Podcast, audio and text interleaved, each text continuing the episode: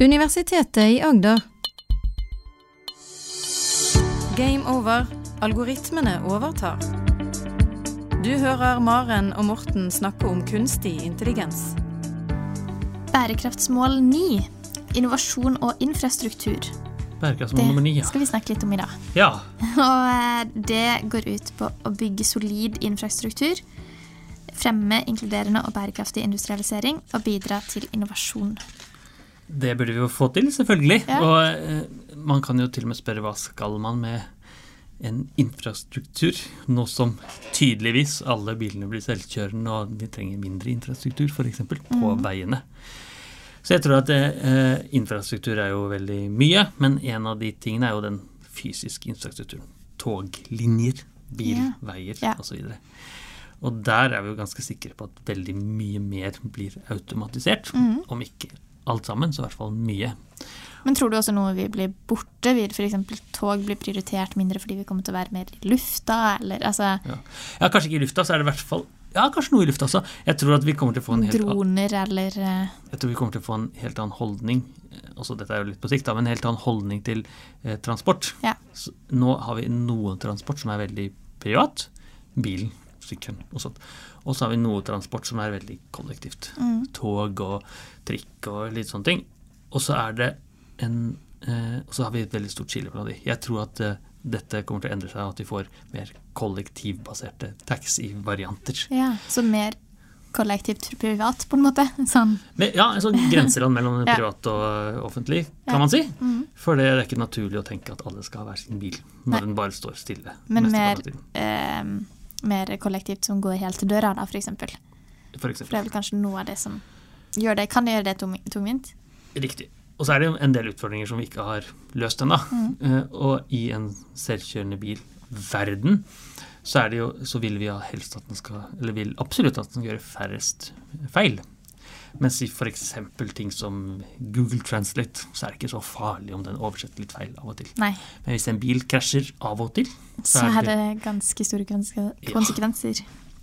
Men hvis vi tenker da at vi uh, tar det premisset at uh, bilene blir mer og mer selvkjørende, kanskje helt selvkjørende alle sammen, mm. så vil det være en helt annen behov for infrastruktur. Parkeringsplasser. Toglinjer fra Sørlandet til Oslo, f.eks., som er det jeg bryter meg. Eller eh, fly som går mellom masse småsteder. For det, det kunne vært Men mer som droner, da. Og Ja, mer miljøvennlig på Ja, man, helt riktig. Og det, man kan jo tenke seg miljøvennlig fly også, som går Ja. på elektrisitet. Og de eh, dronene kan jo gå både på elektrisitet, som de gjør nå, som kommer fra fornybare verden, eller den kunne jo potensielt lage noen bensindrevne droner hvis vi vil. Det er sikkert ingen som har lyst til det, men det kan man da. For det, mye av det er jo også varetransport, f.eks. Ja. Så hvis vi tenker oss at droneverden eh, tar over mer og mer av eh, vareleveransene, både til privat verden og til eh, mellombedrifter, så er det jo mindre behov for trailere som kan kjøre Ja. overalt, f.eks. Mm. Og det betyr jo en annen, en annen type infrastruktur. Det betyr også, Infrastruktur er jo også mer eh, datamaskin-type infrastruktur. Altså internett mellom mm. eh, Norge og Sverige osv. osv. Og, og eh, eh, bedre mobilnett i Ja. noen områder.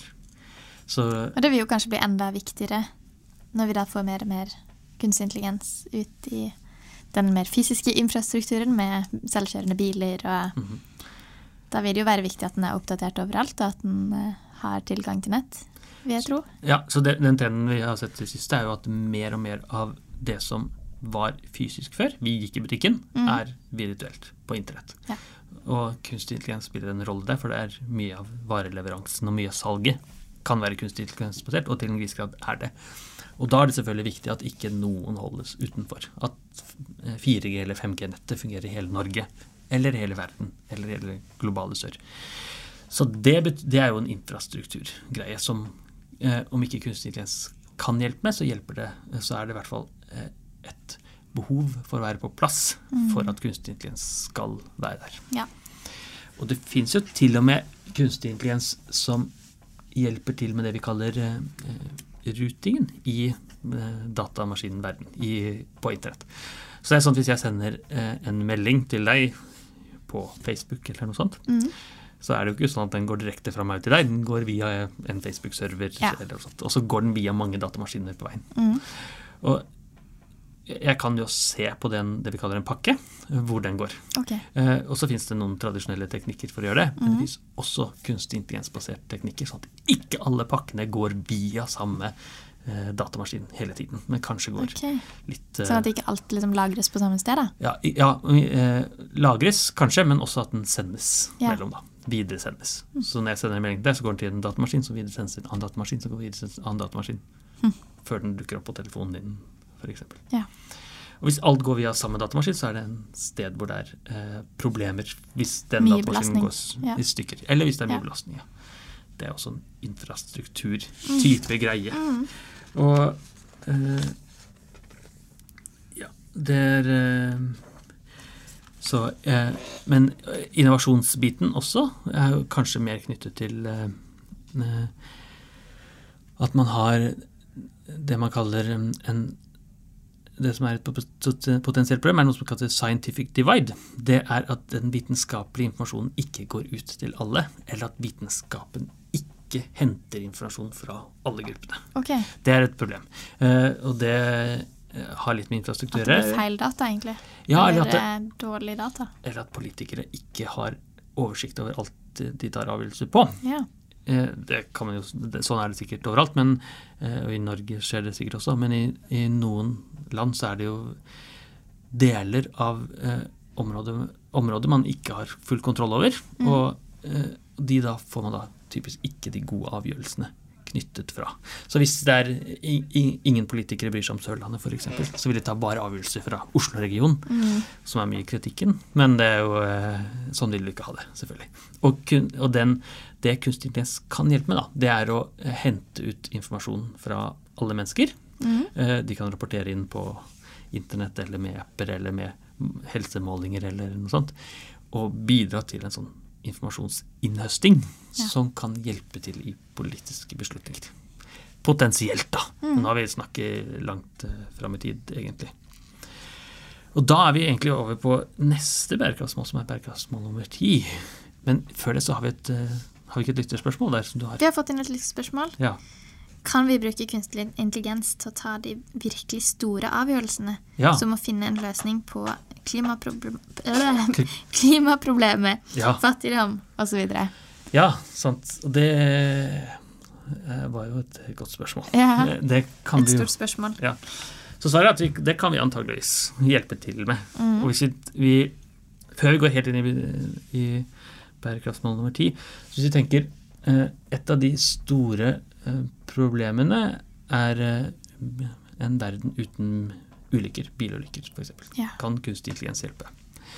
Naturlig å tenke da er, er disse selvkjørende bilene. Mm. Så hvis en selvkjørende bil Hvis det bare var selvkjørende biler ute i verden, mm.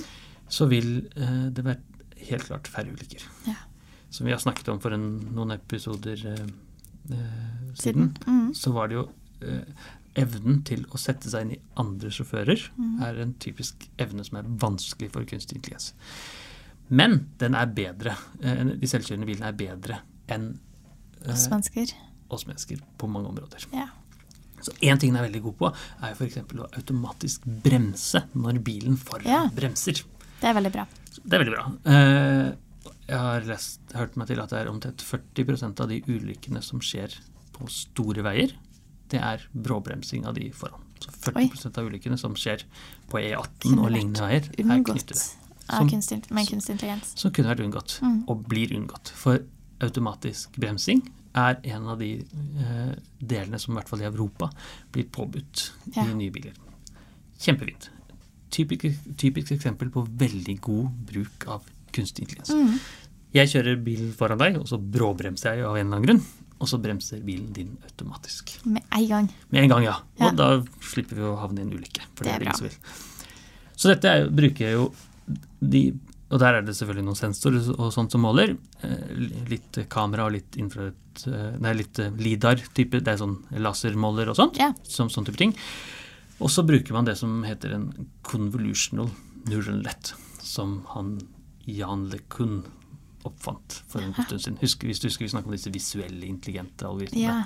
som så hunder og katter osv. Og da kan de se at bilen bremser ned. Så enten kan man ha et kamera som ser at bilen bremser, eller så kan man ha sensorer og sensormålinger, avstandsmålinger, som forteller at bilen foran faktisk bremser nå, Mm. inni en sånn kunstig intelligens som tar en beslutning som sier at nå bremser bilen foran. Okay. Nå er det Og omgjort. skjer da lynraskt. Nå, da skjer det lynraskt. For det er kjappere enn det vi klarer å reagere. Ja, vi reagerer veldig sakte Ja. på de tingene.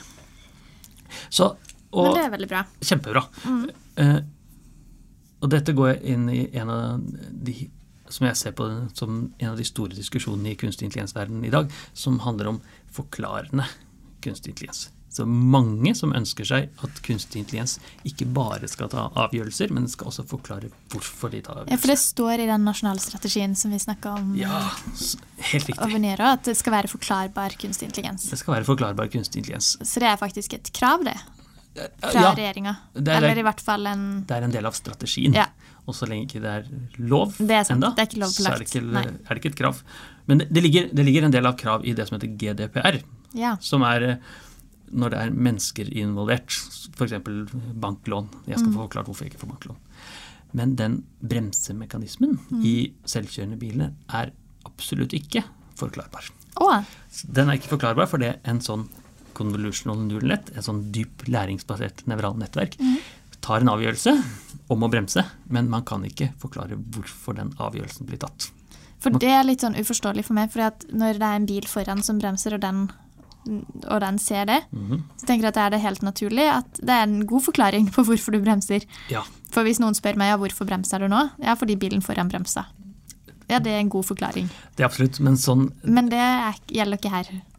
Ja, det gjelder på en måte, men ja. det som er saken er at når den går inn i den dype nevrale nettverket, så er det bare input, pixel input, prikker av bildet, og så er det mange nevroner som kobler seg sammen med andre nevroner og ganger seg sammen med matriser osv. i et komplekst scenario. Og så kommer da brems eller ikke brems ut.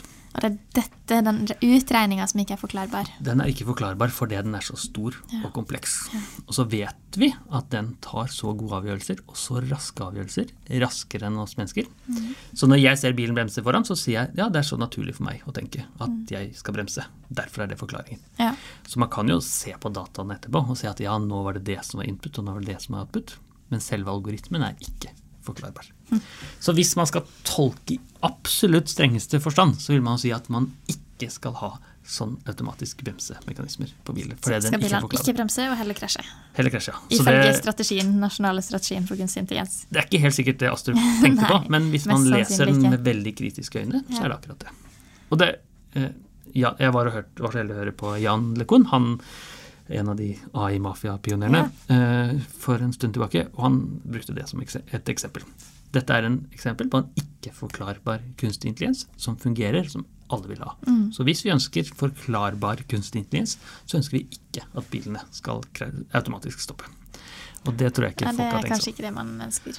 Han brukte to andre eksempler òg, som er veldig gode. Og ene var eh, oppdagelse av kreftsvulster, bryst, okay. brystkreft. Der er det òg Samme. uforklarbar kunstig intelligens. Ja, uforklarbar, Mm. kan man si. Og eh, stopp av hatytringer på sosiale medier. Ja. Alle de tilfellene vil de aller, aller fleste si at det er kjempebra at vi bruker Mm. kunstig intelligens på dette. Vi klarer ikke å forklare avgjørelsen på hvorfor jeg Men er det fordi det ikke er forklarbart for oss mennesker? Altså Hadde en kunstig intelligens kunne forklart det til hverandre, på en måte? Ja, så eh, du kan jo si at forklaringen ligger der. Mm. Avgjørelsen ligger der. Men det er så mye komplekse ting som skjer samtidig. At vi ikke kan forstå det. at vi ikke kan forstå det. Ja. Og da er det per def Mm. ikke forklarbart. Eh, så kan det hende det endrer seg, for det er mange ønsker å, å få forklarbar kunstig intelligens. Men ingen har klart å få det til. Nei. Enda. Ikke vi med å løse de samme tingene. Nei. Og da eh, tror jeg vi går videre i, i bærekraftsmål nummer ti, som vi lovte, og det var jo mindre ulikhet i og mellom land. Det, disse bærekraftene grenser jo til hverandre hele tiden. Så det, er, om det vi ønsker, er da å eh, redusere ulikhet i og mellom land. Og mye av det handler om eh, politiske avgjørelser, politiske beslutningstagere eh, som skal få bedre type avgjørelser eh, for, for oss innbyggere. Og egentlig så er jo det litt på dette spørsmålet som vi fikk av lytteren. Ja. På eh, om vi kan bruke kunstig intelligens til å ta de virkelig store avgjørelsene. ja. Færre ulykker på veien er en avgjørelse. Bedre klimaspørsmål. Bedre, eh, mindre Mindre fattigdom. Mm. Og svaret på det er nok eh, i noen tilfeller ja, men generelt sett litt vanskelig. Ja. For det er så veldig mye mye som påvirker. kanskje. Ja, så tar det tid. Det er så enormt mange faktorer som påvirker Mm. klima eller fattigdom. Ok, men dette med å redusere ulikhet Redusere ulikhet, i ja. og mellom land. Ja. Bærekraftsmål 10. Ja, eh, Ja. så det man En måte å redusere ulikhet på, er, er eh, å hjelpe de som har utfordring på en eller annen måte. Mm. Folk med nedsatt funksjonsevne, f.eks. Ja. Her eh, Seeing AI er en type algoritme man kan laste ned for å få klart informasjon om hva Ja. du ser. Det fins noe sånt som heter Seeing Eye, altså seende øyne, mm. tittende øyne, som er du sender et bilde til et annet menneske, mm. og så forklarer den innholdet for en blind person, f.eks. Ja. Hvis du bruker kunstig intelligens, så kan du da få den samme forklaringen der. Eh, og dette er jo en redusering av, eh, av eh, Ulikhet eller Ja. ja. Det gjør at man har like muligheter da, til å få med seg innholdet. For mye mer, ja, helt er helt enig. Eh, når det gjelder de virkelig store avgjørelsene, så, så, så tenker man typisk at man sier Eller mange sier hvis man dytter søppel inn i de, altså man tar tidligere avgjørelser, så kommer det søppel ut. Typisk ting man sier. Søppel inn, søppel ut. Men så viser det seg da at gang på gang, enten det er i store, komplekse sjakkalgoritmer eller hva som helst, at, den blir, at kunstig intelligensen blir mer intelligent enn de dataene man dytter inn, og han får som en kollektiv intelligens som fins overalt. Og det betyr da, hvis man dytter inn masse eksempler på eh, middels gode klimaavgjørelser man skal ta, eh, i- ingen av de er perfekte, så kan det være at den kunstig intelligensen faktisk finner den felles løsning som er bra for alle sammen. Ja, Kanskje. kanskje. Det er i hvert fall en, en, en absolutt mulighet Ja. der. Så når man da sier man skal ikke ha kunstig intelligens som er eh, som skal basere seg på de dataene vi nytter inn, fordi de dataene er dårlige, så kan det skje at man får diskriminering, kunstig intelligens osv., men man kan absolutt se at den klarer å finne en kollektiv bedre intelligens ut fra det. Det er i hvert fall det vi har sett mange andre tilfeller. Ja, det er bra. Så det jeg vet at noen gjør, da, eh, og det er ikke forskning som har kommet så langt at den settes ut i praksis, men den testes ut i litt mer sånn teoretiske verdener, det er at man lager en simulering av eh, virkeligheten. Ja, Ikke basert på kunstig intelligens, men basert på noen modeller man vet om. Man vet om eh, hva som påvirker klimaendringer, man vet Ja. om hva som påvirker fattigdom eh, og sånne ting.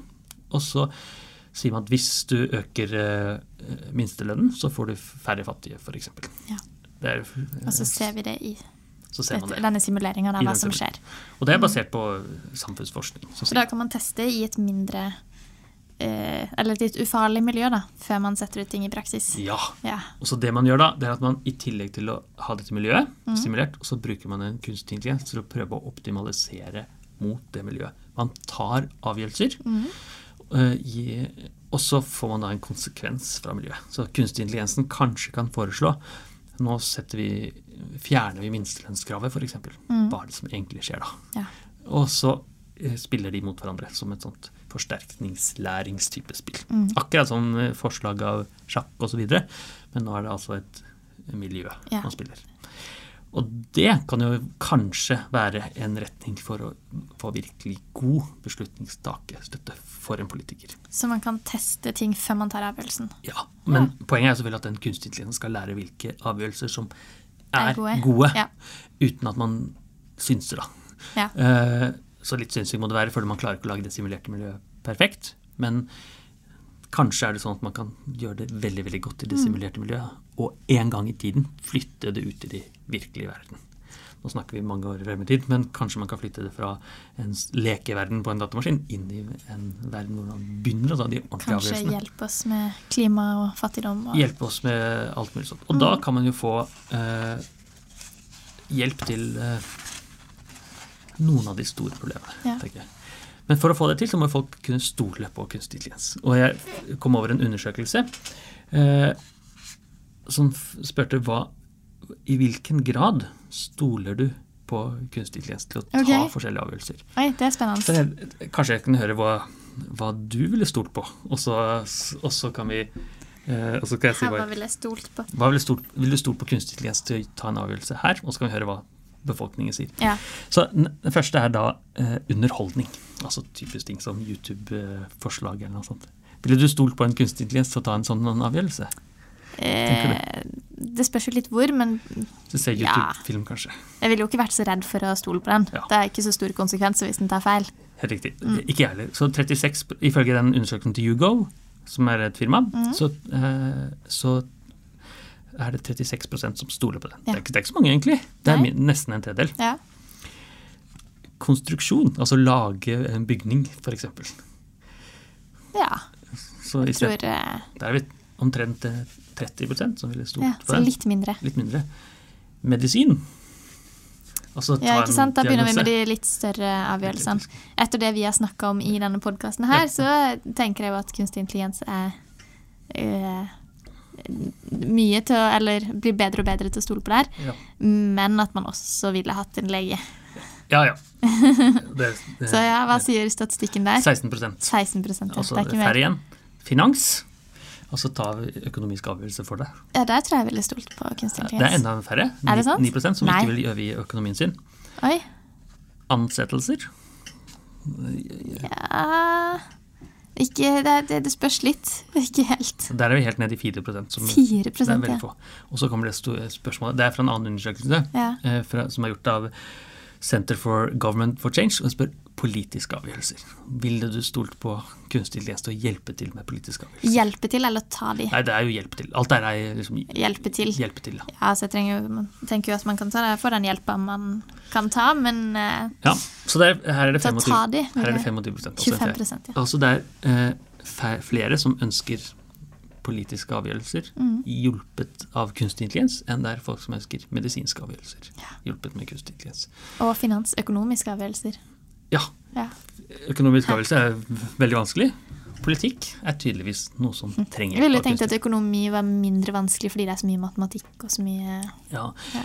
Man kan jo spekulere hva som er Ja, grunnen der. Jeg tror da at folk er veldig redd for sin egen privatøkonomi. Ja. Hva er det som skjer hvis en plutselig driver og investerer? Ja. Mens de politiske avgjørelsene det er så langt borte. Det er så fjernt. Mens, Ja, men det har du nok rett i. Mens uh, naturlig nok ting som underholdning Er ikke så ikke så farlig. farlig. Nei, Man får feil forslag på Netflix. så går det greit. Ja.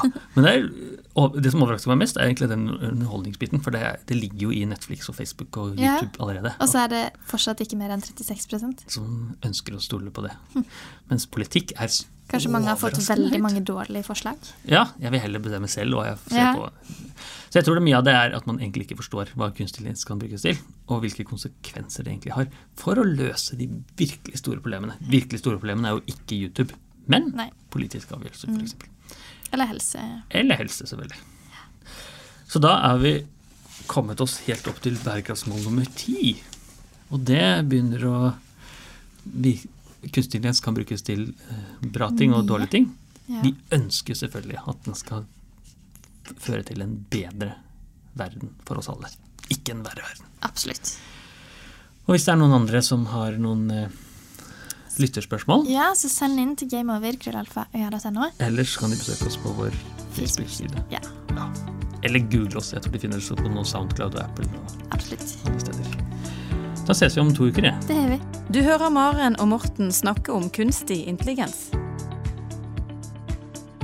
Har du spørsmål til Maren og Morten, send en e-post til gameover.alfakrølluia.no. Du har nå hørt en podkast fra Universitetet i Agder. Du finner flere podkaster fra UiA på uia.no podkast.